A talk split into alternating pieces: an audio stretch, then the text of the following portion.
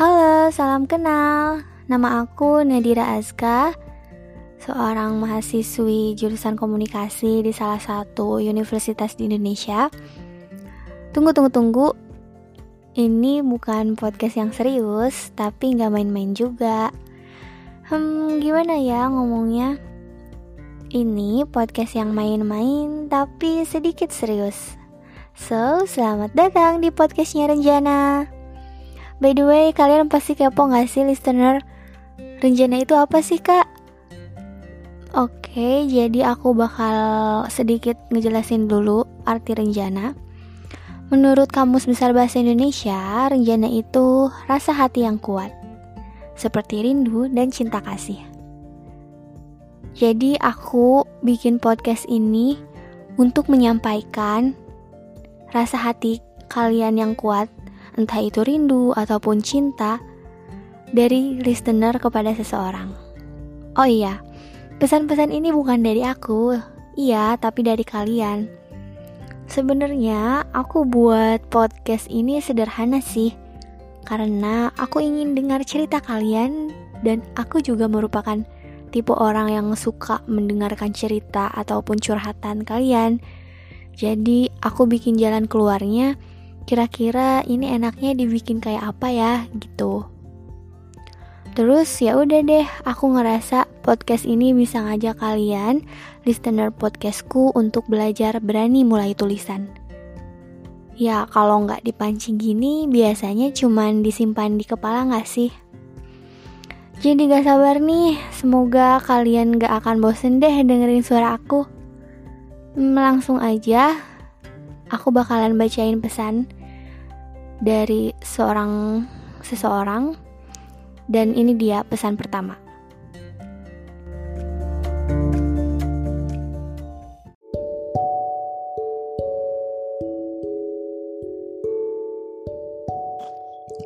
Tapi sebelumnya, aku gak akan nyebutin nama. Ini pesan dari siapa dan untuk siapa, demi kebaikan bersama. Langsung aja aku bacain pesannya. Halo kak, aku kenalin diri dulu ya. Nama aku Pip. Hmm, aku bakalan manggil Siti. Jadi Siti itu nama samaran aku buat dia ya, bukan nama aslinya dia.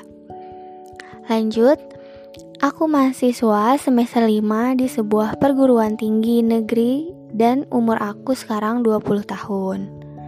Jadi sebenarnya aku nggak tahu sih ini bisa dibilang kisah cinta atau enggak.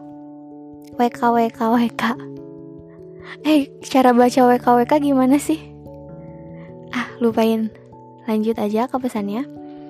Kata dia e, Aku gak tahu sih ini bisa dibilang kisah cinta atau enggak Karena aslinya kita sendiri aja yang jalanin sebingung itu Hmm, aku jadi penasaran kira-kira kisah dia kayak apa ya Karena just for your information Aku juga belum baca pesan ini dan apa pun respon aku nanti itu benar-benar alami. Oke, anggap aja dia doi aku. Aku kenalin juga deh doi aku, namanya Pip.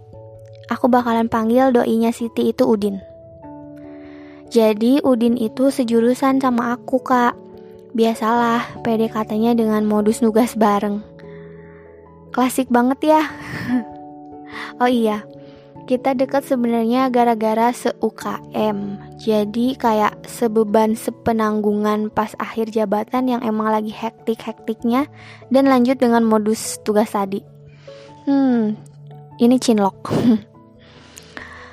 Awalnya kita ya temen biasa aja, temen jalan bareng, temen nugas, temen curhat biasa.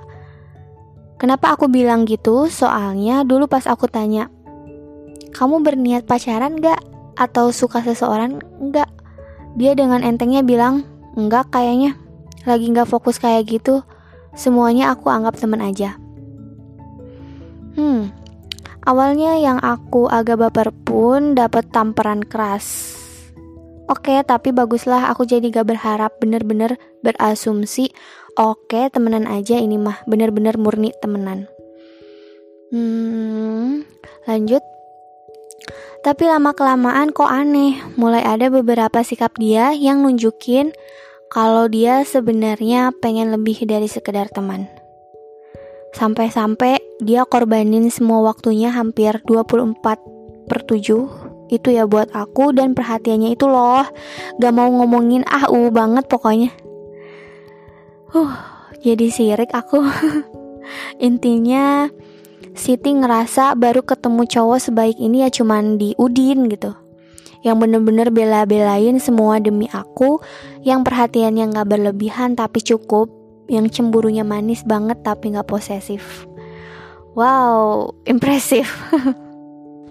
Jadi mereka itu ada di zona nyaman udah saling nyaman udah saling uuan tapi kejebak di teman apa gimana nih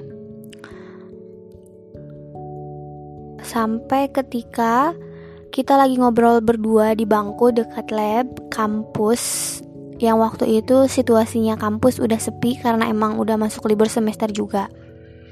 Waktu itu kita bener jujur-jujuran. Jujur-jujuran apa nih? Udin bilang, Udin bilang sebenarnya selama ini aku tahan-tahan semua ini. Hmm? Gimana maksudnya? Aku kaget sih asli karena aku bener-bener segak berharap itu. Terus kata Udin, aku takut kalau aku terlalu perhatian, nanti kamu terlalu nyaman. Aku nggak mau. Di sana Siti masih diem dengerin Udin sambil berpikir bahwa wajar sih dia nggak mau aku kayak gitu.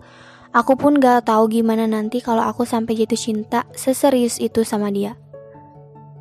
Bukan hanya orang tua yang akan menjadi rintangan terbesar, namun juga Tuhan yang tidak akan pernah meridoi ini. Oh, jadi kisah ini tuh cinta beda agama. Oh my god. Aku kaget kirain cuman kirain cuman kejebak friendzone ternyata ternyata cinta beda agama. Uh, berat berat berat. Lanjut uh, Udin bilang, tapi sekarang aku udah gak bisa nahan lagi. Gimana kalau kita coba ini? Oh my god, jadi Udin nyatain perasaan cintanya ke Siti. Jadi ceritanya itu Udin itu agamanya Katolik dan Siti itu Muslim. Dan Siti pada saat itu nggak bisa jawab apa-apa. Kita yang emang tipenya nggak pernah serius jadi agak aneh ngobrolin hal gini kak. Lanjut Udin bilang, aku nggak tahu ke depannya bakal ada apa yang terjadi.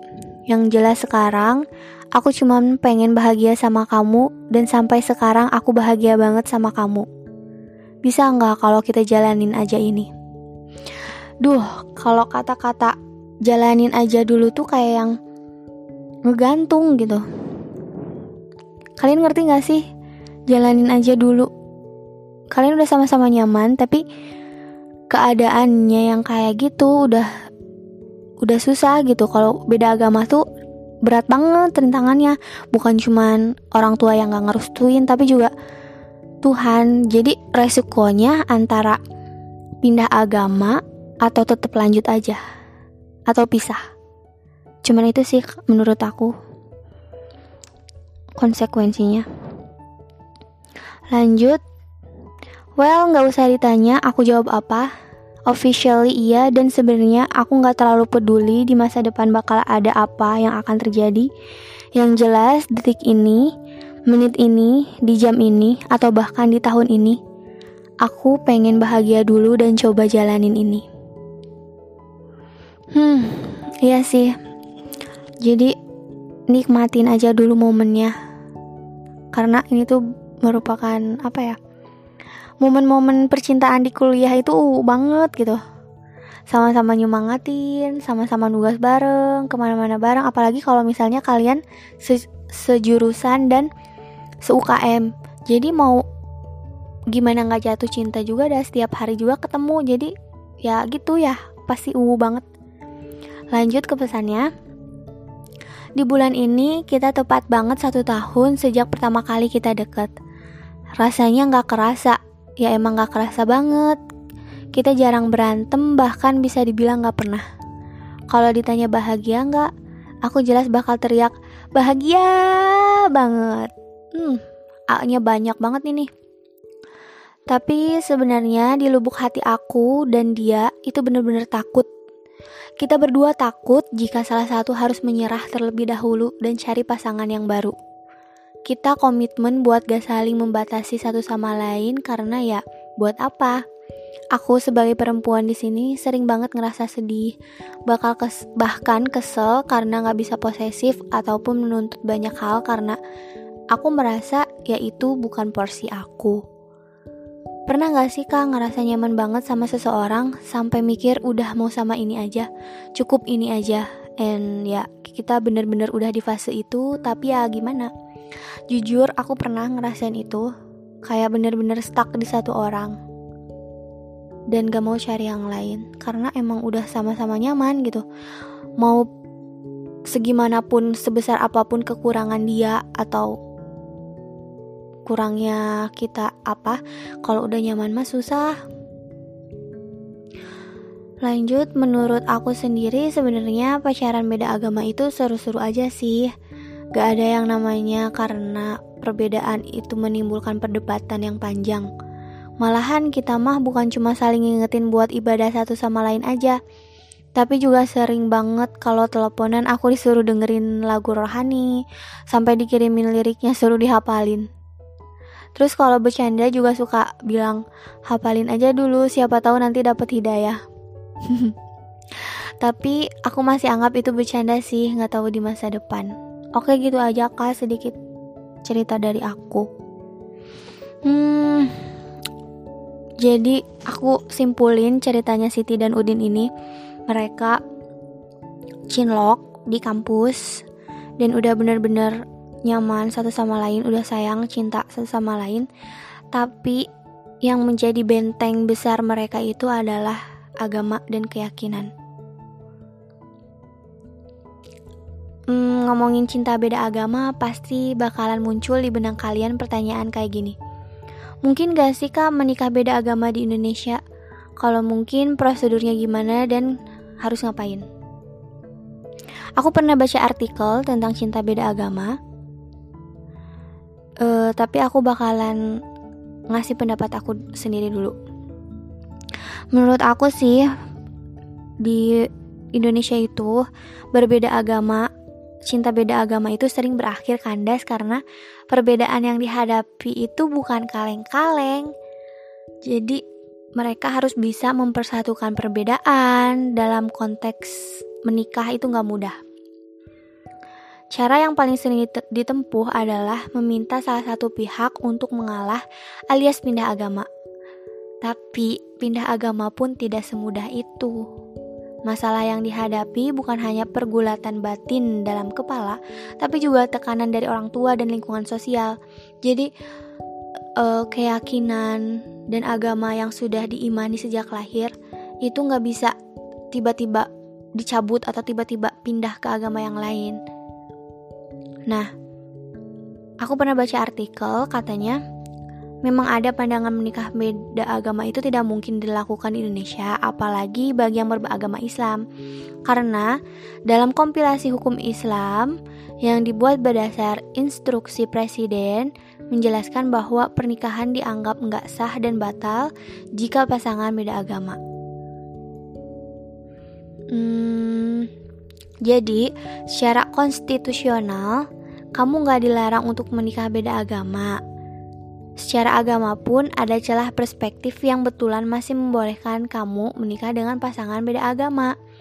Di kalangan umat Islam di Indonesia misalnya, perkawinan beda agama boleh dilakukan dengan syarat pihak laki-laki Islam dengan perempuan dari agama lain jadi, kalau kebetulan kamu perempuan muslim dan ingin menikahi laki-laki beda agama, sudah jelas dari segi sah cara agama masing-masing, menurut undang-undang itu tidak bisa kamu penuhi. Bahkan laki-laki muslim pun gak bisa sembarangan menikahi perempuan beda agama. Soalnya perempuan yang boleh dinikahi ini terbatas pada golongan ahli kitab saja, apakah itu Yahudi atau Nasrani. Artinya, sekalipun laki-laki Muslim ingin menikah dengan perempuan Hindu, Buddha, atau Konghucu, maka secara undang-undang perkawinan ia nggak bisa legal karena tidak memenuhi unsur sah secara agama masing-masing. Hmm, kalau kamu mau protes soal tafsir hukum yang seperti itu, ya jangan sama aku protesnya ya. Aku cuma menyampaikan apa yang bisa aku sampaikan, yang pernah aku baca, menurut hukum perkawinan di Indonesia doang. Hmm, meski begitu, kalau kamu memang tidak memenuhi unsur legal seperti yang aku sebutin tadi, cinta itu kadang apa ya? Cinta itu buta. Aku bakalan ngasih saran nih buat kalian listener yang mungkin ada di posisi yang sama kayak Siti dan Udin. Yakni sarannya segera beli tiket ke Singapura dan berangkat ke sana. Bukan, bukan buat liburan terus berfoto di depan patung Merlion, tapi menikah di sana. Jadi, kalian tinggal menyiapkan dokumen N1 sampai N4 atau sampai N6 jika kamu duda atau janda. Lalu mendaftarkan pernikahan di Registry of Marriage Singapore. Setelah melangsungkan pernikahan, eh, pihak Registry of Marriage Singapore mengeluarkan sertifikat menikah dan surat pernyataan dari KBRI yang menyatakan kalau pasangan tersebut telah sah menikah di, di Singapura. Setelah itu tinggal bawa dua surat tersebut ke Disduk Capil lalu dicatat. Hmm, mungkin itu aja sih saran dari aku. Jadi kalian itu yang kejebak cinta beda agama bisa aja menikah tapi nggak di Indonesia tapi di negara lain. Gitu deh. Biayanya emang lebih boros sih. Tapi demi cinta apa sih yang enggak seenggaknya kalau orang-orang tahu kamu nikah di Singapura pasti pada heboh gak sih?